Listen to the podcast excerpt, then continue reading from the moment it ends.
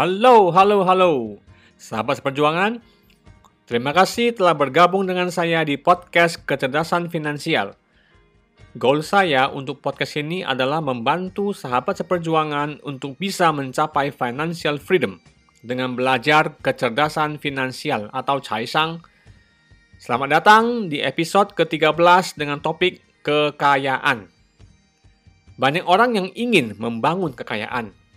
Banyak orang seumur hidup tidak bahagia, keluarga tidak harmonis, penyebab sebenarnya adalah masalah kekayaan yang belum terpecahkan, alias masalah uangnya belum terselesaikan.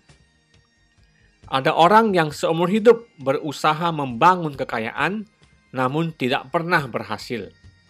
Ada orang seumur hidup kerja keras, namun tetap tidak mampu membeli rumah. Dulunya, Cho Lao juga sama. Merupakan orang yang benar-benar miskin. Lalu mengapa beliau bisa membangun dari nol, dari tiada menjadi ada, dari seorang yang miskin menjadi seorang jutawan, miliarder, bahkan triliuner? Apa sih yang membuat Cho Lao Shi bisa berubah? Mungkin banyak yang mengatakan, Cho Lao Shi, itu pasti karena nasibnya baik beruntung. Tetapi mengapa nasib beliau bisa baik? Sebenarnya itu semua berhubungan erat dengan batin kita. Maka di topik ini, Cho Lao Shi ingin menghadiahkan kita sebuah kalimat, yaitu tidak ada apa pun juga di luar. Yang ada hanya diri kita sendiri. Segala yang ada di luar itu merupakan hasil manifestasi dari batin kita. Banyak dari kita itu miskin karena dalam batin kita merasa miskin. Sehingga kita menarik atau menciptakan orang atau masalah atau situasi ke dalam hidup kita yang membuat kita semakin miskin. Bagi yang pernah membaca buku The Secret mengenai The Law of Attraction, pasti mengerti sebuah prinsip atau aturan bahwa kita sendiri yang menarik segala sesuatu di dalam alam semesta ini. Sebagai contoh, terkadang kita ada terpikir teman yang sudah lama tidak pernah komunikasi. Lalu tidak lama kemudian mendadak dia menelepon kita. Shi yakin banyak yang ada pengalaman demikian. Inilah yang disebut sebagai the law of attraction. Dengan kata lain, Cho dulunya juga merasa nasibnya jelek. Guru pertama yang merubah nasib beliau adalah Robert Kiyosaki, penulis buku Rich Dad Poor Dad yang membuat Cho mulai belajar kecerdasan finansial. Sebelum itu, beliau hanya tahu aktif income, hanya tahu kerja keras dan dapat gaji. Namun, setelah ada kecerdasan finansial, beliau mulai tahu apa itu passive income, apa itu kebebasan finansial, apa itu aset dan liabilitas. Beliau juga tahu arah tujuan hidupnya karena mulai timbul impian. Namun, itu semua tidak membuat beliau sukses menjadi miliarder atau triliuner. Walaupun beliau saat itu juga sudah ada menghasilkan uang. Sampai suatu saat beliau bertemu dengan gurunya yang kedua, yaitu Rhonda Byrne, penulis buku The Secret. Sebelumnya, Cho Lao Shi menganggap dirinya orang yang sial atau bernasib buruk. Waktu beliau kecil, papanya berbisnis dan bangkrut. Sehingga dari keluarga terkaya di kampungnya menjadi keluarga termiskin. Saat berusia 15 tahun, papanya masuk penjara, sehingga beliau berhenti sekolah saat masih duduk di bangku SMP. Cho Lao Shi bekerja di sebuah pabrik, namun pabriknya bangkrut. Cho Lao Shi lalu bekerja di konstruksi, namun bosnya kabur. Cho Lao Shi bekerja di bengkel, namun bengkelnya akhirnya tutup juga. Sehingga beliau menganggap nasibnya emang sial. Dan justru karena itulah nasibnya benar-benar menjadi buruk. Walaupun beliau telah belajar kecerdasan finansial, namun belum berhasil membangun kekayaan.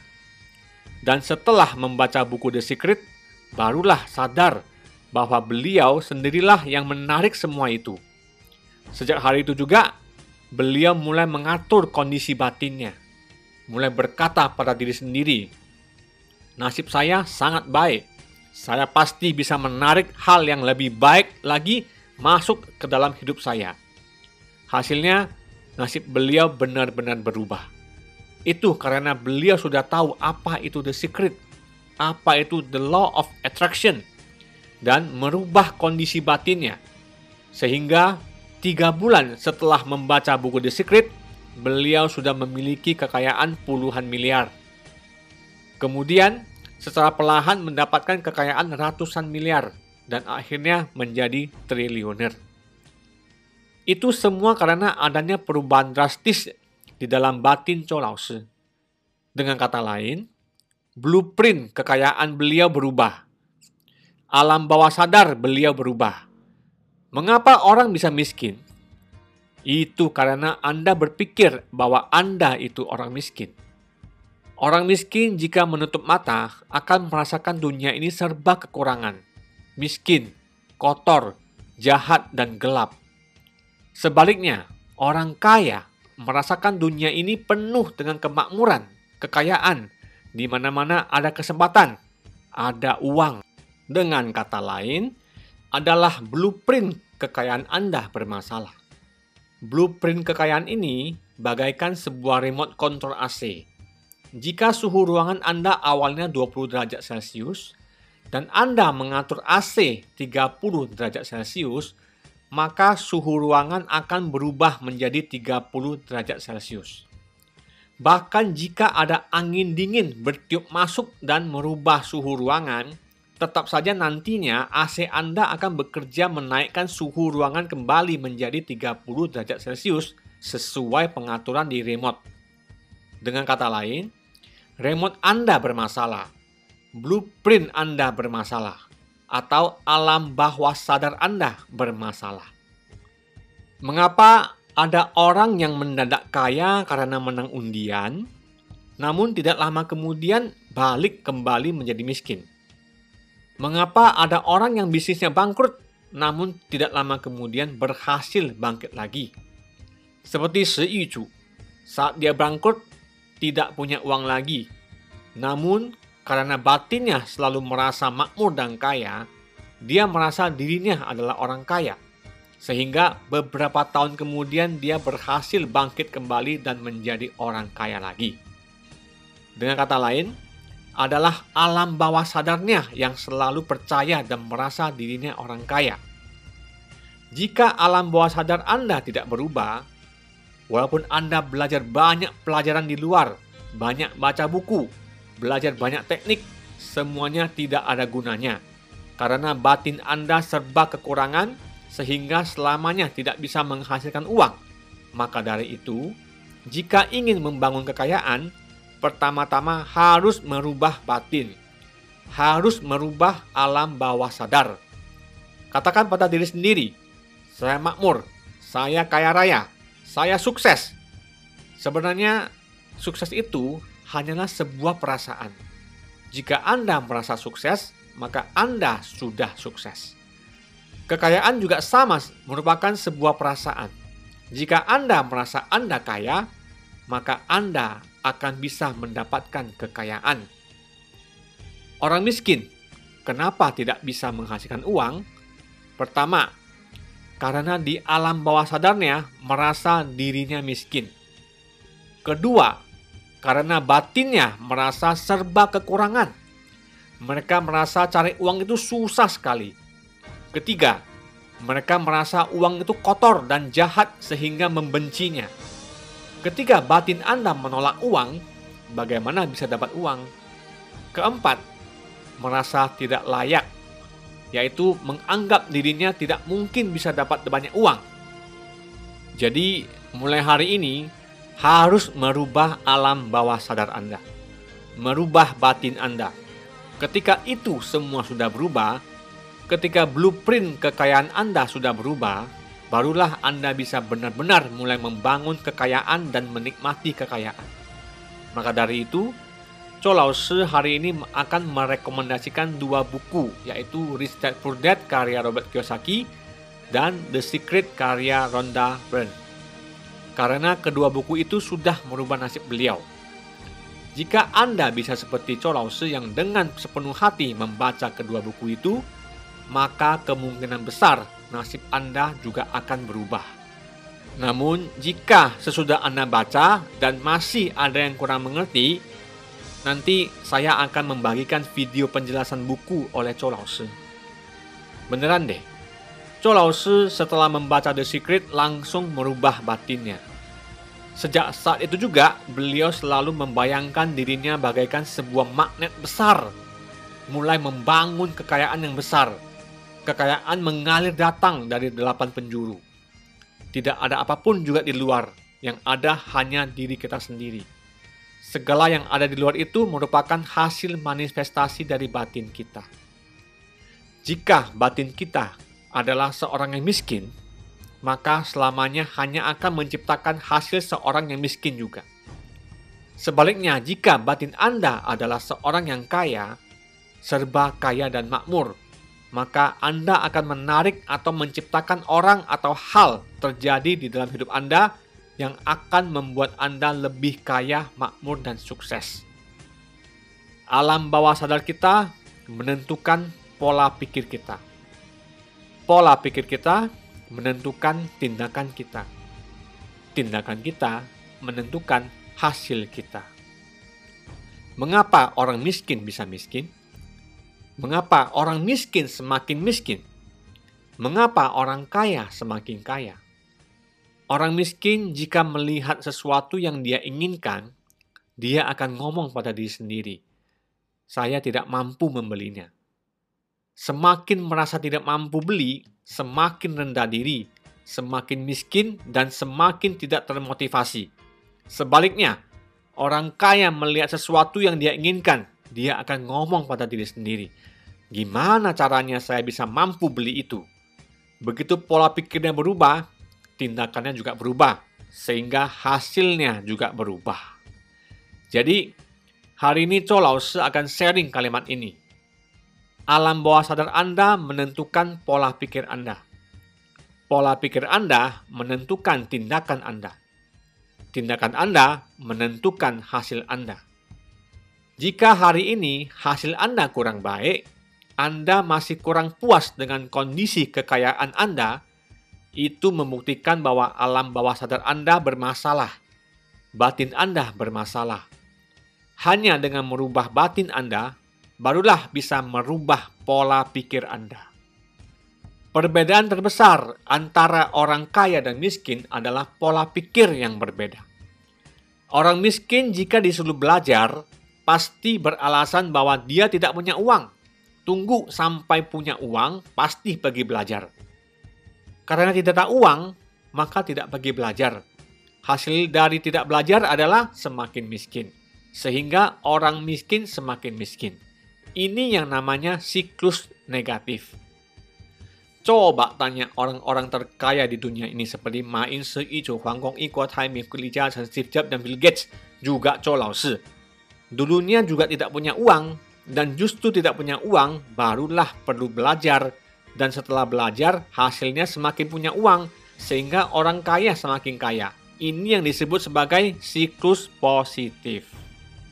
Lalu mengapa ada dua hasil yang beda jauh seperti itu? Itu karena pola pikir yang berbeda. Orang miskin jika disuruh mulai berbisnis akan mengatakan, saya tidak punya uang, bolui. Tidak punya uang, kan bisa pinjam. Kalau rugi gimana? Ini sebuah pola pikir yang negatif. Numpang tanya ya. Saat Ma Yun mulai bisnis, apakah ada uang? Saat Huang Guangyu mulai bisnis, apakah ada uang? Saat Li Jiacheng mulai bisnis, apakah ada uang? Saat Zhou Laoshi mulai bisnis, apakah ada uang? Justru karena tidak punya uang, makanya harus mulai bisnis. Lalu jika nggak ada uang, gimana? Pinjam aja. Orang miskin bilang, kalau rugi gimana? Orang kaya akan bilang, gimana jika menguntungkan? Inilah pola pikir yang positif. Orang miskin dengan pola pikir negatif sehingga bertindak negatif dan hasilnya negatif. Sebaliknya, orang kaya dengan pola pikir positif sehingga bertindak positif dan hasilnya positif. Orang miskin mengatakan, "Ngapain punya impian jika tidak mungkin tercapai?" Orang kaya berkata, "Jadi orang harus punya impian, siapa tahu bisa terwujud." Ini merupakan dua macam pola pikir yang sama sekali berbeda. Lalu mengapa mindsetnya bisa berbeda? Ada hubungannya dengan alam bawah sadar. Dan alam bawah sadar erat hubungannya dengan kondisi lingkungan saat kita kecil dulu. Semua pengertian atau persepsi kita terhadap uang dan kekayaan itu berasal dari orang tua kita. Kita lahir di keluarga yang miskin. Orang tua kita sering berkata kepada kita, "Cari uang itu susah banget. Uang itu kotor dan jahat. Semua orang kaya itu adalah orang jahat." kita dalam jangka waktu yang lama setelah terus-menerus menerima nilai pandang yang seperti itu, ini semua membuat alam bawah sadar kita menjadi alam bawah sadar orang miskin yang beranggapan bahwa uang itu kotor, jahat, tidak tahu malu. Cari uang itu merupakan suatu hal yang memalukan. Cari uang itu susah banget, sehingga terbentuk sebuah pola pikir orang miskin. Jadi, jika ingin merubah hidup Anda menuju kekayaan, maka harus dimulai dari merubah alam bawah sadar Anda. Mulai hari ini, harus ekstra hati-hati terhadap setiap kata-kata yang Anda ucapkan. Mulai hari ini, menginput sistem belief yang baru. Ngomong pada diri sendiri, apa yang orang lain miliki, saya juga akan bisa miliki juga. Semua yang bisa saya lihat di dunia ini saya layak untuk memilikinya. Dunia ini serba berkelimpahan. Dunia ini penuh dengan kemakmuran. Semua uang di dunia ini menunggu saya untuk mengambilnya. Begitu saya menjulurkan tangan, uang akan masuk ke kantong saya. Anda harus ada pemahaman dan cara pandang yang demikian. Barulah ada kemungkinan Anda bisa mencapainya. Di kelas offline, Cho Lao akan memutar balikan pola pikir miskin peserta dan membangun sebuah pola pikir yang baru. Gimana caranya? Melalui kurikulum kelas offline tersebut dengan aktivitas bersama beliau melalui pelatihan dan serangkaian permainan, beliau bisa merubah alam bawah sadar mereka.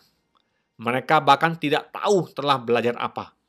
Namun, selesai kelas, mereka mulai melihat perubahan kondisi keuangan mereka.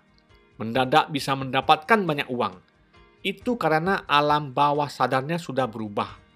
Batinnya sudah berubah. Seketika itu juga bisa merubah kondisi luar.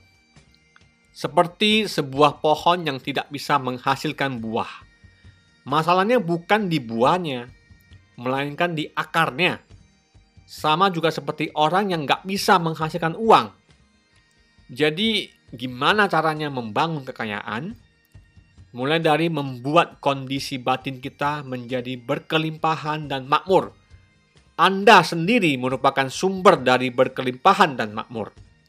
Ketika Anda benar-benar sudah berhasil merubah alam bawah sadar Anda, perlahan tapi pasti pola pikir Anda juga akan berubah. Jauhilah orang-orang yang negatif. Seringlah bersama dengan orang-orang yang positif. Jika Anda sering bersama orang yang miskin, Anda akan terpengaruh oleh mereka, sehingga Anda akan semakin miskin. Sebaliknya, jika Anda sering bersama dengan orang kaya, maka alam bawah sadar Anda akan terpengaruh oleh mereka. Pola pikir Anda juga akan berubah menjadi pola pikir orang kaya. Hanya dengan demikian, barulah Anda bisa benar-benar merubah nasib Anda. Lalu, di mana kita bisa menemukan begitu banyak orang kaya. Kalau ada kesempatan, boleh ikut serta kelas offline Colause. karena pesertanya banyak miliarder. Murid-murid beliau juga banyak yang merupakan bos-bos besar. Shi menekankan sekali lagi, membangun kekayaan itu sebenarnya gampang saja.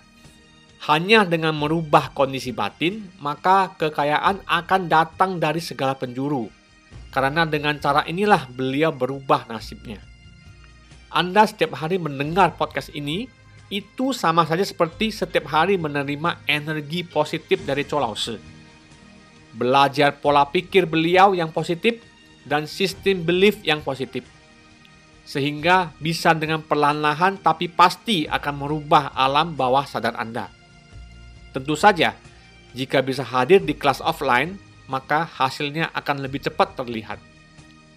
Saya berharap semua orang di dunia ini bisa menjalani hidup yang berkelimpahan, bisa memiliki cara pandang dan pola pikir yang positif, bisa mencapai financial freedom, sehingga saat itu kita semua bisa menikmati dunia yang damai dan setosa.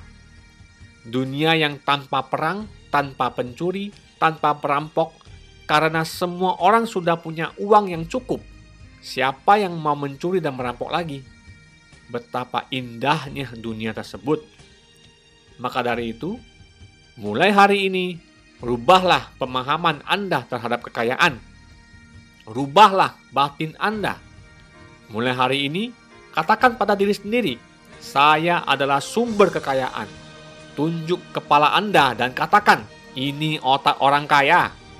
Saya adalah orang kaya jika Anda benar-benar bisa setiap hari mengulang-ulang kata-kata positif demikian, maka alam bawah sadar Anda akan perlahan-lahan berubah.